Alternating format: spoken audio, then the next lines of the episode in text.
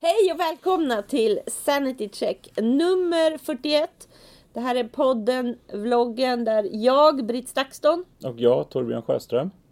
vänder och vrider och funderar över saker och ting. Och tar med er på denna eh, stund där vi funderar. Mm. Ja, det här är årets sista. Ja. Hinner vi inte med en till? Nej, det är det. Den kommer att stå 2019. Ja, Ja. ja. ja, häftigt. Och 41 stycken på två år. Två år. Det är ändå bra för oss. Det är bra jobbat, tycker Ja. jag. Ja, det är roligt. Faktiskt. Det är nästan en varannan vecka, trots jul och trots... Ja, Ja, vi är ju lediga ibland. ja men precis. Ja. Eller jobbar. Ja. Eller vad man ska säga. Är det här jobb eller är det ledighet? Ja. ja. Ja. Ja, det är häftigt. Eh, Man behöver det för att hantera både jobb och verklighet. Ja, Det precis. andra. Mm. Ja. Mm. Du har med en bok, ser jag. ja, eh, den eh, tillhör för jag tänkte ju att vi faktiskt Mm. skulle kanske tänka på tre bra saker. Mm. Ja, men då väntar vi med det då. Vilket? Och de tre bra sakerna. Det tar vi på slutet. Nej, men du har inte med Stanford på bra-listan. Det vet jag inte. För annars skulle vi ju prata om det. Ja, men jag, jag kan alltid lösa sådana saker efterhand. Nej, men Ehm, för... eh, Men vi kan väl börja med det så ser vi mycket tid som är kvar då helt Ja, enkelt. men precis. Jo, nej, men jag har ju kommit hem från Stanford. Mm. Precis. Eh, för en dryg vecka sedan. Så nu är jag inte jetlaggad längre, tror jag. Mm. Nu är man nog bara stressad. Eh, och jag åkte ju dit för att jag, hade, jag tröttnade på valresultatet och alla gissningar till höger och vänster och kände jag måste ju göra någonting bra med livet istället. Eh, och började lyfta blicken lite och kontaktade en bekant som är professor på Stanford och frågade om jag inte kunde komma dit och hälsa på. Och sa han, åh vad kul att du kommer, då kan du få hålla föredrag. Ehm, för han vet ju vad jag har Ja. hållit på med, vi Ja. känner varandra, Ja. eller vi är bekanta, vi har inte Ja. Jag träffas lite kort på konferenser och så. Men han har jobbat jättemycket med vetenskapliga metoder kring, det, det, han är, är liksom auktoriteten kring det vi håller på med. Men han är också professor i sociologi. Så att jag föreläste på en, något som hette Political Psychology. Vilket är fascinerande. Det låter som något man inte vill. Ja, men det handlar ju också hur, ås, hur åsikter bildas i samhället. Ja, ja, medias, det är precis allt det vi Det pratar känns som om. livsfarlig kunskap för krafter ja, av Ja. mer destruktiv karaktär. Politisk psykologi liksom. Precis, fast det kan också vara politikernas psykologi. Och den är ju ganska bra att förstå. Ja. Och väljarnas psykologi. Och det, är ju, alltså det som blir så fascinerande, för det var liksom jag bara titta på allt han forskade om, för det har jag inte, jag har inte gjort det ordentligt innan. Jag tänkte, ja, vad ska jag prata om då? Så, så, tog, så skrev jag lite om vad jag tyckte var relevant. Till exempel hur åsikter bildas i allmänheten och medias förändrade beteende och eh, de metodtesterna vi gjort. Och så, här, men berätta om allt, sa han. Så jag hade två timmar på mig att berätta om allt. Så att titeln hette Little bit about, a lot. för jag, kunde inte hitta en rubrik på det. Men det var ju också rätt fascinerande för att han ville ju att jag skulle prata på grund av att vi faktiskt har vänt trenden i Sverige och vi har också börjat förklara vad det är som ligger bakom. Titta mer på orsak och verkan. Och, och det är intressant att både forska mer kring och även att forskaren förstår hur verkligheten funkar. Den här media och hur man tar till sig kunskap och hur man behandlar fakta och sådana saker som jag, jag har märkt, i alla fall om man tittar på Henrik Oskarsson har ju fick ett bryt i somras, alltså före detta som chefen och sa men journalisten kommer alltid få det fel. Det kommer alltid bli fel, det kommer alltid bli dåligt. Det sa han både i medierna och sagt i seminarier och det må vara sant. Men det är inte okej att säga så om man inte försöker styra upp det själv. Man kan inte ge upp och låta bilden bli fel. Så det var liksom, faktiskt, en- jag pratar faktiskt inte om honom där, men den grejen slog an den här strängen som jag jobbat med hela tiden. Att man måste faktiskt styra upp felaktiga mediebilder. Så att det var en stor del av det. Men, men eh, de blev nöjda och glada och tyckte mina teorier var trovärdiga men det vore kul om de bevisade det. Och sa, ja men det kan väl ni göra? Ja. Det är ju inte mitt jobb. Ehm, och vi har startat några samarbetsprojekt så att det kan bli väldigt, väldigt roligt när det där landar. Försöka landa lite mer och skapa lite mer evidens kring vad som är bra och vad som är dåligt för att det behövs hela tiden. Så att exakt vad det landar i det vet vi nog mer nästa vecka. Jag ska faktiskt ha en liten Skype-konferens med dem i Mm, vad Nu spännande. imorgon. Så det blev, eh, det blev verkligen lite pepp och injektion till Mm. Ja jobbet blev framöver. det. ja men det blev det. Det blev jätteroligt och jag fick även frågan om, om jag haft den här typen av föreläsningar för forskare innan. För jag har haft liknande föreläsningar för journalister Mm. i flera års tid. Så nej, jag har inte riktigt orkat. Fast det var en professor som var där och lyssnade och sa men det här det kändes som att du pratade precis till mig. Jag måste börja göra det här nu. Och hon, hon var verksam i Tyskland och i USA och sa i Tyskland så ger de inte ens referenser till varifrån undersökningen kommer. De bara säger en undersökning. Och det blir ju jättefarligt för då är man helt i, i händerna av den journalistiska Även i, i all politisk rapportering Enligt hos er. henne. För det låter ju som så här, eh, man jobbar med när man jobbar med PR och Mm. tar fram någon undersökning om städvanor eller sådär. Det kanske slinker igenom. Mm. För.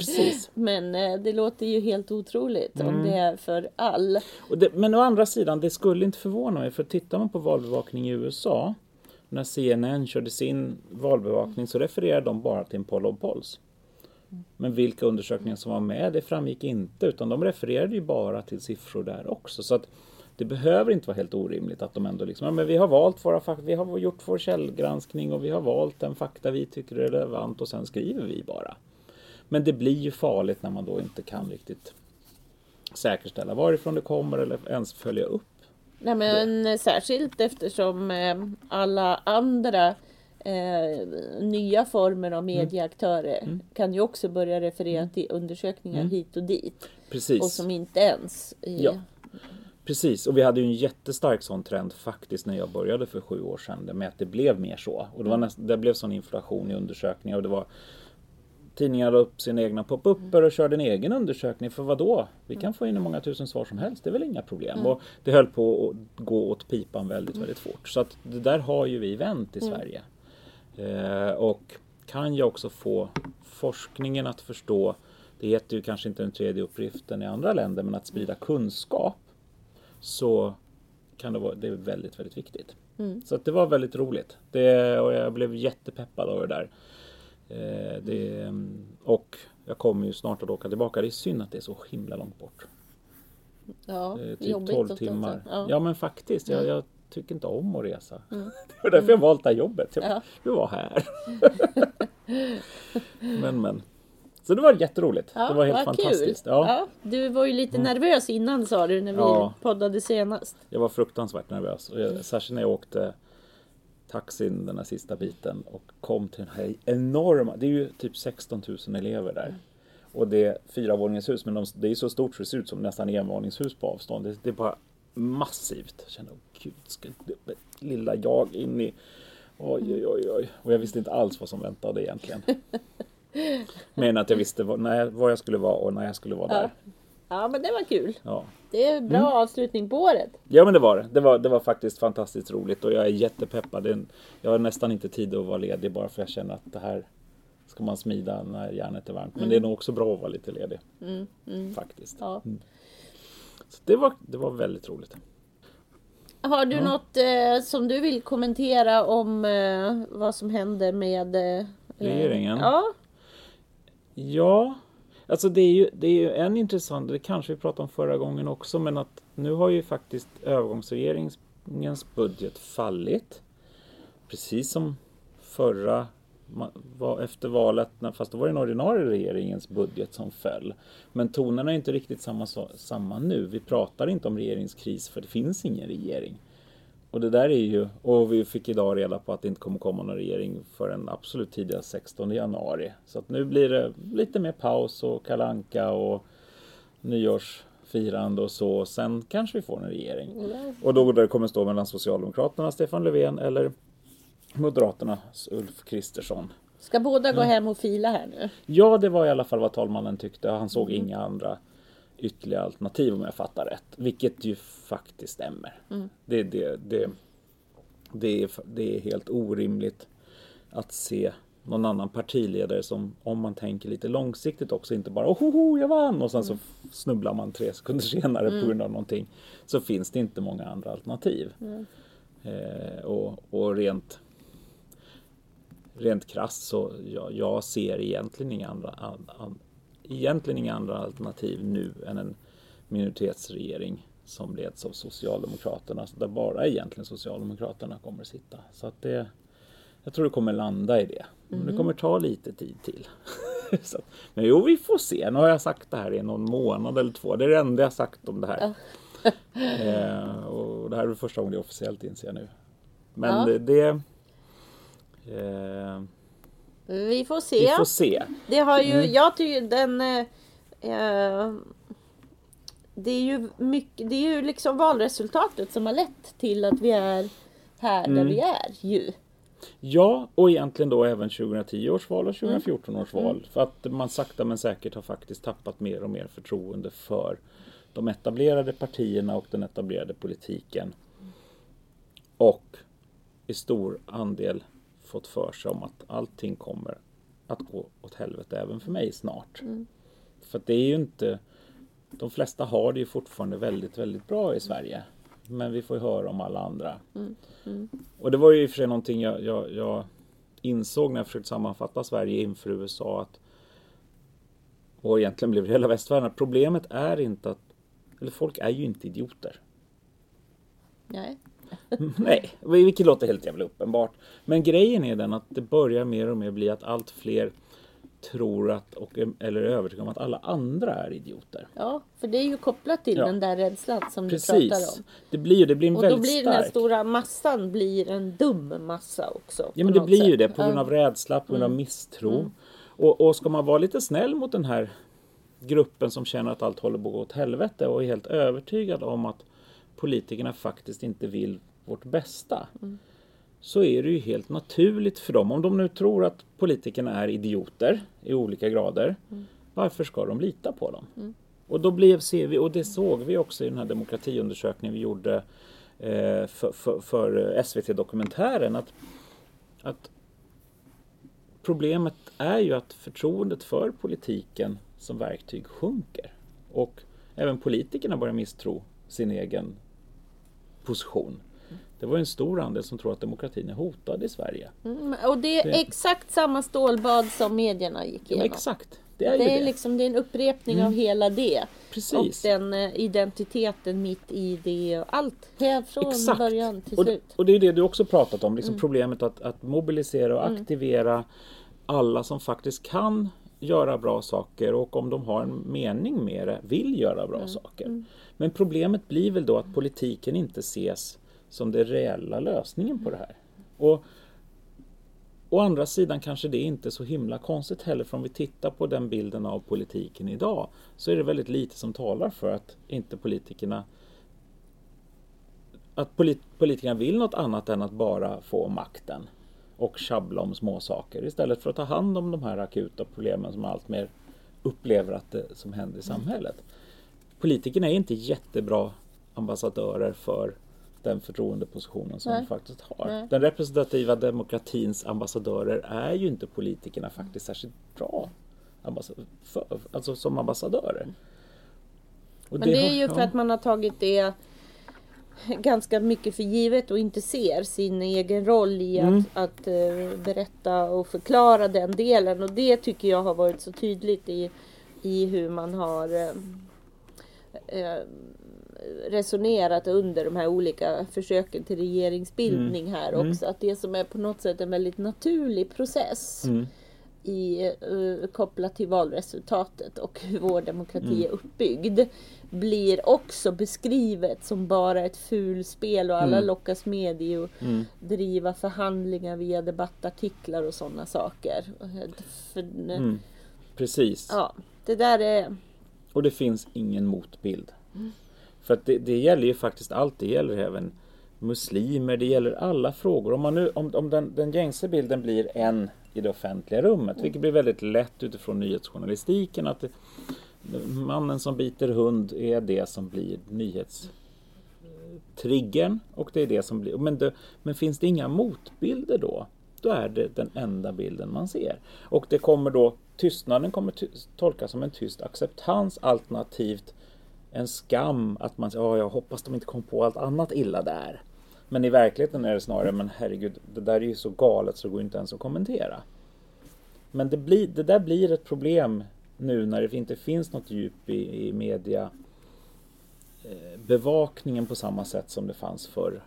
Att det blir den enda bilden. Det blir den satta sanningen. Och de inblandade som faktiskt utsätts för detta inte aktivt jobbar med en, en korrekt bild. Eller en mer rättvisande bild av kollektivet. Och det där, det gäller precis allting, men det gäller också politiker. Mm. Mm. Det är också demokratin, för mm. vi kan inte ta någonting för givet längre. För allt går ut på att det, går, det som var sant igår är inte sant idag. Det är ju den retoriken som är i offentliga rummet just mm. nu. Så att, eh, och då kan man inte heller som politiker skylla på media och media kan inte skylla på politiker. Alltså ingen kan skylla på någon annan än sig själv för man måste åtminstone ta sitt eget ansvar. Det... Ja och då är det ju också så att det där eh, skruvade eh, förstärks ju också i sociala medier mm. och så. Så mm. att då blir det ju också en bild av eh, om man då kanske vill, vill ha en fördjupning och leta vidare mm. så hittar man ju med lätthet. Mm. Exakt. Förstärkningar ja. av den dåliga ja. bilden. Är ja. ingenting som ger en Nej. Upprättelse. Eller liksom. Och därför har vi ju många partiledare som under den här perioden också bara snarare förstärkt bilden än att försöka mm. sansa till tonen via sina egna kana mm. kanaler i mm. sociala medier. Mm. Det, mm. det, är ju det man har använt sociala och skruva upp volymen ännu lite mer. Och det är ju faktiskt extremt kontraproduktivt om man är ute efter en långsiktig effekt. Mm. Och det, det här långsiktiga, jag vet inte. Man, eh, det är för jobbigt att jobba med det helt enkelt. Och det får mm. inga rubriker, det ger inga utrymmen i Nej. Liksom, uppmärksamhet och så. Men, men, och det kommer ju, fast det är ju också, å andra sidan, det, har ju varit, det, är ju ten, det är ju den allmänna trenden nu att världen kanske går under imorgon. Det, alla jäkla zombiefilmer, allting går ju ut på att jorden kanske går under imorgon. Mm. Men även liksom den, den, den, politiska taktiken går ut på det också. Att ja, ja, det, det är bara här och nu och idag som gäller. Det finns ju ingen vision om en längre Jaha. Ja. Jag tänkte när du säger zombiefilmerna så tänker jag, jag har ju haft en så här halvfärdig text i eh, ja, väldigt, väldigt länge mm. som handlar om att eh, alla den här crime-trenden med mm. alla så här, detaljer kring mord och mm. hemskheter mm. av alla de slag. Som ju toppar så poddlistor och allting. Alla eh, Netflix eh, eh, mm. tittandet och allt sånt. Jag mm. undrar om inte det där bidrar till ja. en jätteoroskänsla. Verkligen, för där överträffar också verkligheten dikten. Ja. Och, och det är ju en, det är ju väldigt, visst det är väldigt, väldigt fascinerande men när det också stärker den mediala bilden. Det var en sak om vi var jättetrygga i vår egna situation mm. och att det inte var pansarvagnar som backade in i Krim i att de skulle skydda och alltså sådana här saker som är bara upp, helt upp och nervända mm. världen. I verkligheten så kanske man då kanske skulle kanske skulle vara mer enhörningar och lite rosa. ja, ja. Men det, det, det, där massiva det, mm. detaljerna kring. Mm. Ja, jag undrar. Det, det är intressant mm. att fundera över påverkan av mm. det. Verkligen. När man exponerar så mm. väldigt mycket för något som framstår som att det här händer också runt mm, hörnet. Precis. Jag det, är lyckligt lottad ja, men jäklar vad vanligt det är runt hörnet mm, det här. Mm. Det finns inga dokumentärer som beskriver perspektiven. Nej. Eller det gör Tips. det ju. Men, ja, ja. Men Statistikpodden. Ja, ja men det finns väl. Kring brott. Ja, nej. nej. Vi får Niklas eh, Långström. Ja, något sånt på gång. Jag vet inte. Nej. Nej. Men just, Nej, men just det där, att, att, att, och också att det mm. visar. Och vi, eh, när vi var ute på den här skolturnén som jag gjorde med mm. Martin Schibbly. Mm. Då visade det sig ju att det var ju väldigt få. Alla vill ju eh, gå, eh, läsa beteendevetenskap på samhällsvetenskaplig mm. inriktning.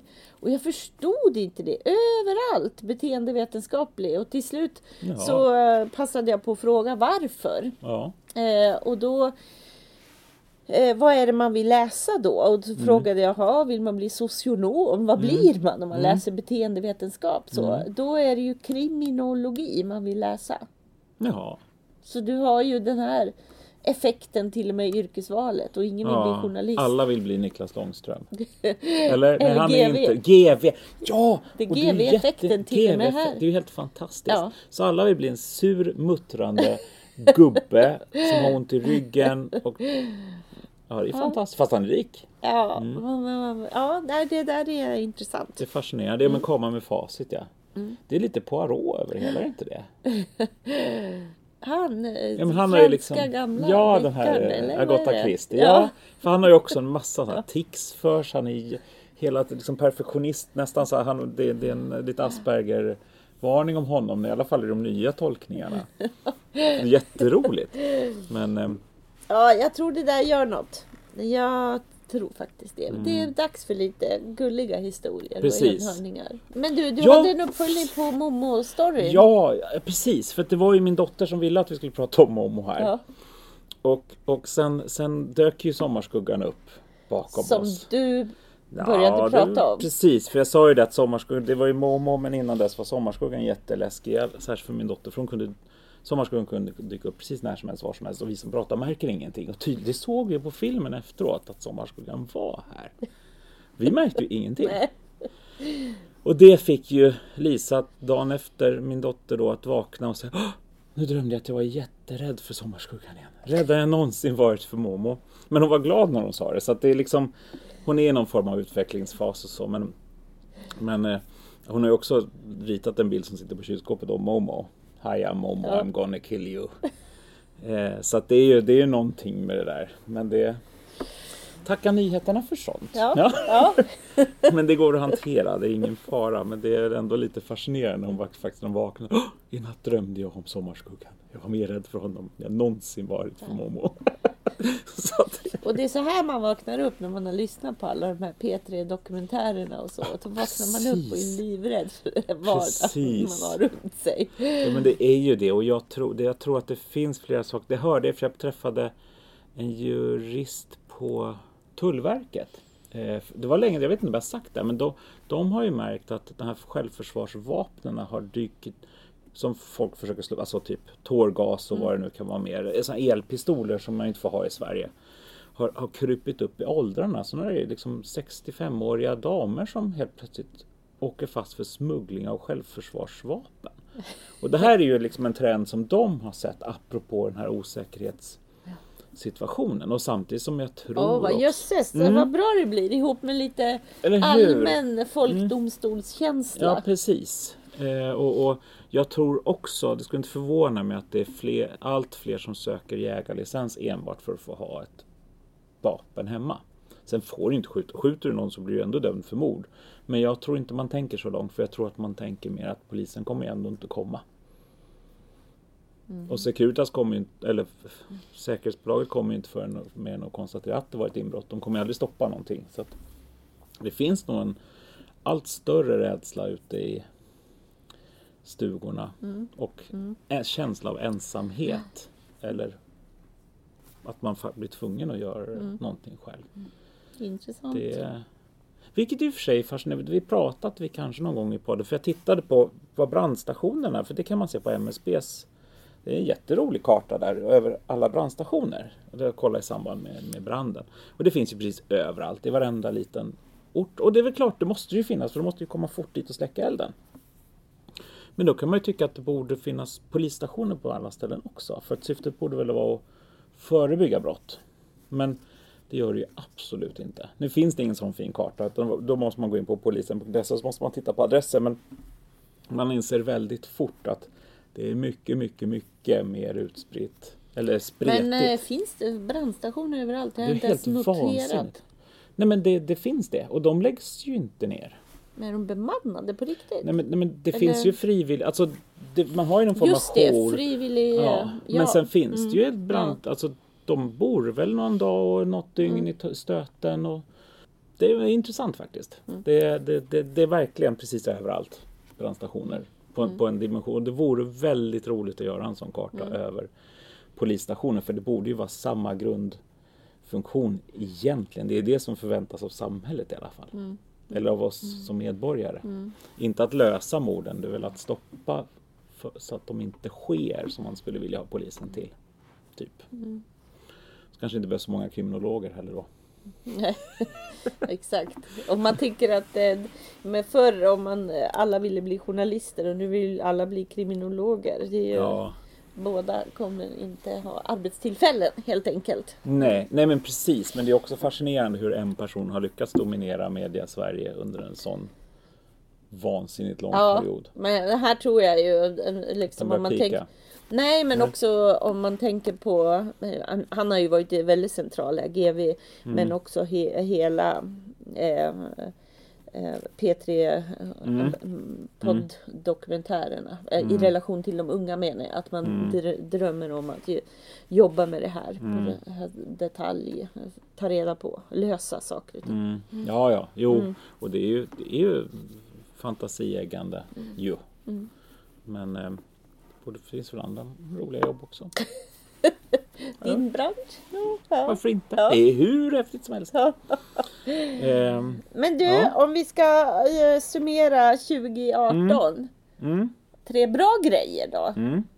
Så att vi inte loopar med allt som Nej, är negativt absolut. själva. Ja, och då kan jag ju bara... Även om vårt syfte är ju att hantera tokigheterna. Exakt, det här är ju faktiskt terapi. Ja, det är ju Ja. så det är. Mm. Och då kan man så behöver vi prata mindre Jo, om det sen. Det är Ja ju men det. precis, så Ja, är det ju. ja. Och överhuvudtaget att formulera tankarna hjälper ju oss att faktiskt inse. om- Ja. Men, men ja, en sak som var jätte, jättebra, en sak som jag också var väldigt nervös för innan var ju valet. Ja. Det är ingen som har pratat om att vi hade jättefel. För det hade vi inte. Nej. Fantastiskt! Nej, men, men däremot de självrekryterade panelerna överskattade Sverigedemokraterna något så in i bomben så att de faktiskt lurade hela journalist-Sverige och kanske 30 procent. Sveriges största parti var de ju där. Sen, okej, då kommer någon som lyssnar på det och säger, ja men det fanns en självrekryterad panel som faktiskt hade helt rätt. Ja, de hade samma som oss, så den är en outlayer. Och jag begriper inte hur det går till. Eh, men de andra hade jättefel och de var, hade lika fel båda två. Så att det utifrån ett metodperspektiv så var det liksom facit blev att traditionella metoder funkar precis som de har gjort sedan 1938 tror jag det var. När George Gallup hittade på det här. Eh, så det var ju fantastiskt skönt. Då kanske vi slipper ha den här diskussionen inför. George Gallup. Ja, han heter George Gallup. Men det är därför det heter Jag Gallup-undersökning. fattar det nu. Ja, ja vad bra. Då har du lärt dig något nytt. Ja. Ja. George, han eh, hade ju rätt på i presidentvalet. Ja, Eh, häftigt. Det var något också. Men, ja, det var något Ja, men du har fått förklara opinionsundersökningen hela Mm, året. Precis, och Ja. jag har också blivit tvungen att förklara att vi inte är dumma i huvudet apropå Ja. att folk är idioter. Eh, för att det, är- det är klart att vi vill göra det så bra som möjligt. Mm. Det är ju där som är men det har funnits den här liksom känslan av att det ska vara en konspiration att vi, vi minsann vill påverka alla genom att ha fel i valet. Det, är ju, det skulle ju vara så självdestruktivt så det finns inte. Det vore ju det värsta vi kunde göra. Mm. Att bli påkomna och ha fel. Och om det skulle vara en konspiration skulle det vara ännu värre med tanke på att det finns ett facit. Det är en jättedum konspiration att ha. Men, eh, men så att det funkar och det var jätteskönt. Och så det var liksom, Det var din nummer ett. ja det Ja, min nummer ett är också kopplat till valet och det är det höga valdeltagandet. Mm. Eh, och jag gick in och kollade på Valmyndigheten, 87,18. Men en sak som vore kul att höra dig fundera över det är att när jag såg eh, de totala sammanställningen av Mm. det är nästan 7,5 miljoner som är röstberättigade. Mm. Och av dem har 2,9 miljoner förtidsröstat. Mm. Det måste väl vara, Jag tror att det är rekord också. ja, Men då är frågan om man ser de här siffrorna att man också kanske gick och röstade på valdagen. För det fanns ett gäng som gjorde så också. Jag vet inte om det och då där. räknas Jag den vet sista. inte. Ja, ja, i, Ja. I, som röst ja. Ja. du har rätt att ändra Ja. ända fram till. Men, men precis, det är ju För det där är ju spännande med du, Mm. Ja, men det är det. de här Och trots- rörliga precis. väljarna och kontra att det finns en... Precis, så det, är ju lite, det kan ju låta kontraproduktivt för vi har också sett en högre väljarrörlighet och de som var, ändrar sig från, tors, från torsdagen, alltså fredag, lördag till söndagen var en väldigt, var två procentenheter på Socialdemokraterna och ungefär två procentenheter som, kom, som gick till Socialdemokraterna och lika många ungefär som gick till Moderaterna från torsdagen till söndagen. Och det har vi aldrig sett något sånt innan. eh, men däremot hade jag på känn det. Liksom ett av reportagen på, på torsdagen som SVT körde var just det att det här, allt kan hända. vi har en slutdebatt på fredag kväll. Och det var inte bara dramatur journalistisk dramaturgi utan det var verkligen någonting som jag trodde skulle hända och det visade sig ju stämma. Sen visste vi inte åt vilket håll. Nej. Det, Nej. ehm, men, men att det är fler som ändå förtidsröstar är ju ganska fascinerande. Som, som en mot... Alltså då, vi har ju två trender samtidigt Ja. då. Exakt. Eh, några som inte bara ser till att bestämma sig innan utan också ser till att få det på, på pränt innan. Ja. Sen kan det ju vara en grej som jag tänker på, för man kan ju bli glad över ett ökat röst, rätt valdeltagande. Men det kan ju också, om vi tittar på utifrån USA, så fick vi helt plötsligt ett ökat valdeltagande där för nya grupper som aldrig röstat innan. Eh, Men det var ett tecken på en demokrati i fara för att man röstade mot någonting. Ja. Man röstade på Trump mot Ja. och här ser vi också att Sverigedemokraterna går upp och valdeltagandet går upp. Mm. Vilket också kan betyda att man, där kan liksom vara en peak på ett nedåtgående valdeltagande. där Man inser att det hjälpte inte ens att rösta på protestpartiet. Och så kanske man backar tillbaks istället. Så Mm. det finns, ehm, Men i grunden om man tänker det är på fantastiska siffror. Så är det ju. Och Mm. det är väl kanske lite för tidigt att, att säga än. Det Mm. kan ju också vara så att eh, eh, jag är ganska Mm. övertygad om att det är brett i samhället och inte bara i en liten Stockholms eh, bubbla Mm. fanns den här otroliga oron för Ja, finns ju hoten både mot demokratin eller så. Så det kan ju lika gärna vara det som också Mm. Exakt, båda, har- båda krafterna båda- kan ju ha dragit. Ja. Precis, så i Holland såg vi jättetydligt hur, hur den motkraften faktiskt var den som vann. Eh, Så, så att det finns det är inte bara, man ska Ja. inte bara titta på USA. Och, och, och det innebär ju också att det finns en fantastisk möjlighet för politikerna att börja ikläda sig det här förtroendet och börja beskriva det mer vad det är. Bli lite mer som GV. Ja. Och faktiskt Och, lite... och framförallt ska de ju göra det eh, i relation till den här gruppen som eh, eh, min favoritforskare som Mm. jag har pratat så mycket om under året, Erik Amno där, som ju har identifierat i, i de här i, eh, Mm. eh, vägar till det politiska engagemanget. Mm. Eh, den här stora, stora gruppen utav de som är liksom standby citizens, redo att agera om de känns att de behövs. Liksom. Precis, och ger man dem en mening Ja. så är det ju jättebra. Ja. Sen kan man inte vädja. Nej. Nej, men Nej, man kan nej. locka. Nej, men det var Eh, just det- rent det är ju- allmänt. Ja, precis. Mm. Nej, nej precis. Utan att känna att man kan kliva in och att man behövs eller så. precis. Men när du pratar om eh, motståndskraft så är ju på, jag tog med som en annan punkt Mm. också. Eh, så är det ju faktiskt värt när man summerar året och särskilt i relation till att vi har haft två Almedalen där Mm. rapporteringen utifrån har handlat om nazisterna Mm. och NRMs närvaro. Så Precis. det är ju inte bara, igen, inte Mm. bara i de kretsar du och jag rör oss i utan det här möter ju också allmänheten i nyhetsrapporteringen och så. Eh, och otroligt mycket fokus i Ludvika och Nordisk motståndsrörelse eh, eh, fick ju tillstånd att eh, eh, vad det nu kallas, Ja, när de ja, tar plats i det ja. offentligt eh, kontinuerligt u- under valåret. Och Just trots detta eh, den otroliga närvaron i Ludvika strategiskt Mm. arbete för att ta plats där via den här eh, Mm. vilda rösten som blev eh, eh, Sverigedemokraterna Mm. som övergick till det. eh, att bli eh, väldigt aktiv i NMR. 219 röster, Mm. 1,3 procent och kom inte in i kommunalvalet. Nej. Och där tror jag ju verkligen att det här starka civila engagemanget som Mm. fanns mitt i en situation där lärare i Ludvika får hantera att det finns i varje Mm. klass barn till nazister. Alltså en helt ny situation på det sättet. Så tror jag att det här starka civila engagemanget, en, också en väldigt närvarande och stark lokal tidning.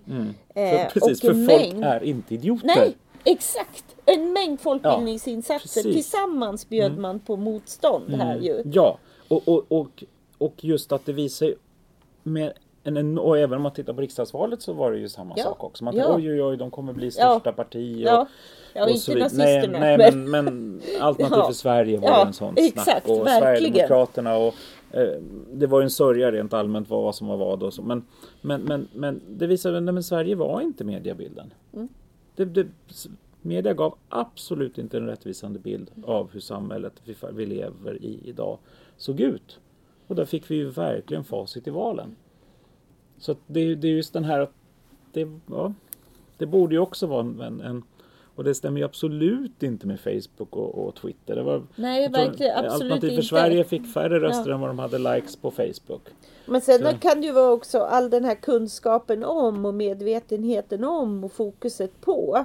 Mm. Men så dels är det ju skönt att se att det inte leder till en eh, rekryteringsökning här. Mm. Det motståndet så, så, som bjuds. Mm. Eh, och nu tappade jag bort tråden på hur jag ville att det eh, nej men att det här eh, samspelar. Men Mm. det påminner ju om att eh, det, det finns inte den här, vi ska inte utgå från det som händer i de digitala sammanhangen. Och det som är så svårt med det här, eller Mm. tråkigt att konstatera, det är att det här inte har fått lika stort fokus bland de som Precis. oroar sig för det här.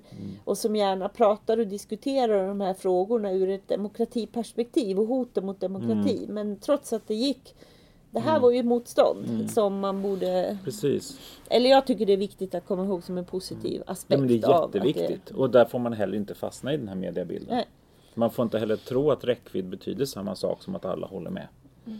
Just att man når ut brett med någonting betyder inte att alla vi väljare är lättlurade och går på allting. Mm. Och det är väl också någonting att hela tiden komma på att vi, vi är inte så lättlurade men samtidigt det är väldigt svårt att hålla emot om alla säger att jorden går under. Då är det snart så börjar man faktiskt tro på det. Mm. Men det räcker inte med det här lilla taget ur luften. Ja, Det måste ju... Så att det, men och då går det ju att vända. Då går det Ja. att vända också. Ja, För att, så men- länge man är logisk och, och ger, kan liksom prata på, liksom med någon verklighetsförankring så, så går det ju faktiskt att beskriva det på ett väldigt bra sätt. Att, att det är ett bra samhälle vi har. Sen är vissa saker bli bättre men det förtar fortfarande inte att vi har ett jättebra samhälle. Ja, och att det kommer Mm. finnas fler än, än medierna och de äh, aktivister som är superaktiva i Mm. de här frågorna Mm. som kommer reagera mot Mm. för att äh, det finns väldigt många som väldigt Mm. tydligt både minns och kan Mm. relatera till till exempel händelser under andra världskriget Mm. eller så. Liksom att väcka motståndet. Precis. Men därför har jag med det här. Det här är min äh, jullitteratur. Oj, Den här eh, eh, heter Nationale Sicherheitsamt, Mm. NSA, och handlar om eh, om NSA och Mm. datainsamlingen som är möjlig nu hade funnits under andra världskriget. Ha, Hur hade oj, det blivit då? Spännande. Så det, det- låter ju jättespännande. Ja, så det, Får jag låna henne ja, till dig? Ja. Du måste lära dig lite tyska bara. Ja, herregud.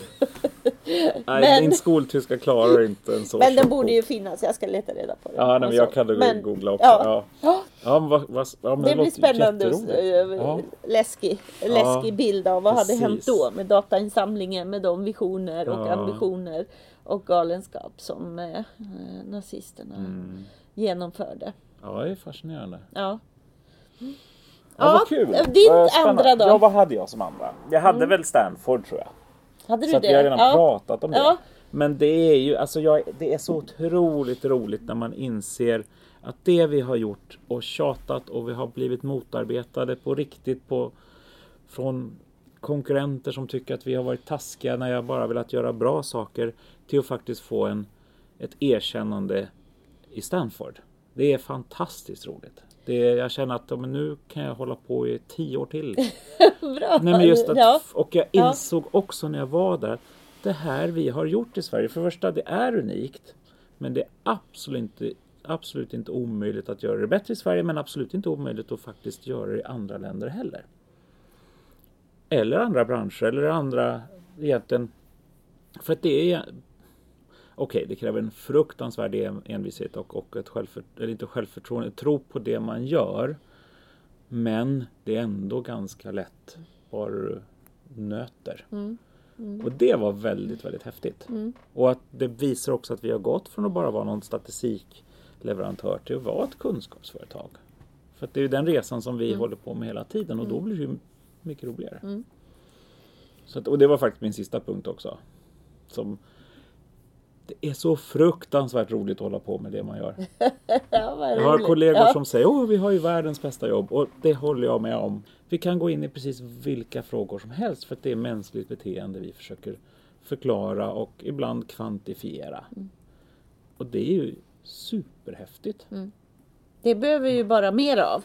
Ja, Det gäller ju precis. bara att komma på vad man vill ta reda på. Ja men det är ju det att förstå Ja. att man kan ta reda på det. Ja. För det tror jag också väldigt mycket upp. Och den stora alltså utmaningen har ju varit att man går från ett kunskapssamhälle till någon form av gissningssamhälle. Ja. Alltså om man nu tittar i offentliga rummet. Men i verkligheten så gör man ingenting annat än att söka fakta till allting. Men att man kanske glömmer bort att det går att få kunskap. Ja. Och det är faktiskt ganska, det är faktiskt egentligen väldigt billigt att få kunskap. För man behöver inte fråga och leta hej vilt på 6,5 miljoner svenskar eller 10 miljoner svenskar eller vad det nu är. Utan det, man behöver bara fråga några tusen. Det är ju helt fantastiskt.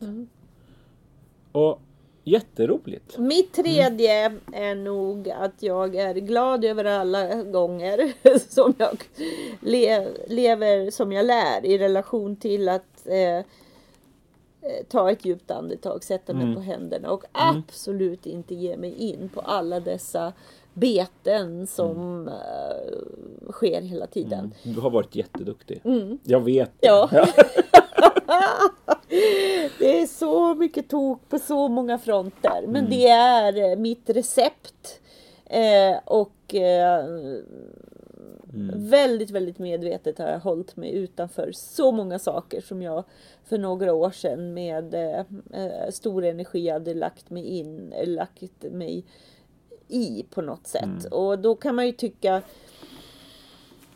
för jag ser att det inte är där jag ska lägga energin. Eh, liksom. Eh, och eh, Jag tror att det där är väldigt, väldigt viktigt. Eh, sen har det ju med tiden också lett till att jag, och det är ju spännande som digital strateg, som ett av de benen jag står på, att så väldigt mycket hålla mig borta från nätet. Utom när, sådär, jag hittar den där eh, em, balansen i det. Liksom, Med min egen digitala identitet.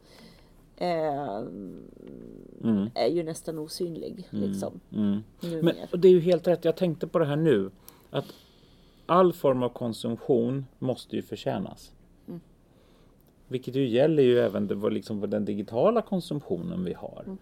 Får vi inte ut någonting, varför ska vi ge oss in i det? Och det är till och med så att, som jag sa på, på din julfest, att det kan faktiskt vara så att man mår lite bättre av att inte följa nyheterna en dag.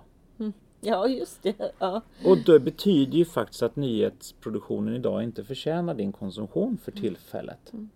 Och det är inte du som konsument som det är fel på då.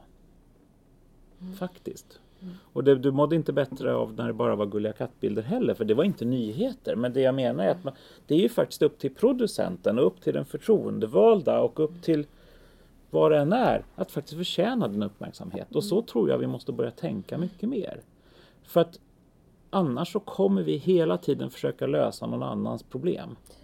Ja, eller varför jag ska vi på bekostnad av oss själva? Ja, men det jag med så mycket upplever i de digitala flödena Mm. som är det jag har valt då, att jag mår mycket bättre om jag helt kopplar Ja. bort från allt. Jag förstår det. Eh, och det är ju också att man ser den här loopen utav att skapa konflikter och att det Mm. finns ingenting som är bättre än att hitta någon citationstecken Mm. idiot som man kan sätta igång och vända och vrida Mm. och slita och dra isär och teatraliskt göra det till en ännu större sak än Precis. vad det här perspektivet var på Mm. något sätt. Man letar Exakt. det finns någonting i det här som den här cykeln Mm. som går av looper fram och tillbaka, fram och tillbaka. Mm. Bara den är ju otroligt tröttsam och så billiga Mm. poänger hit eller dit.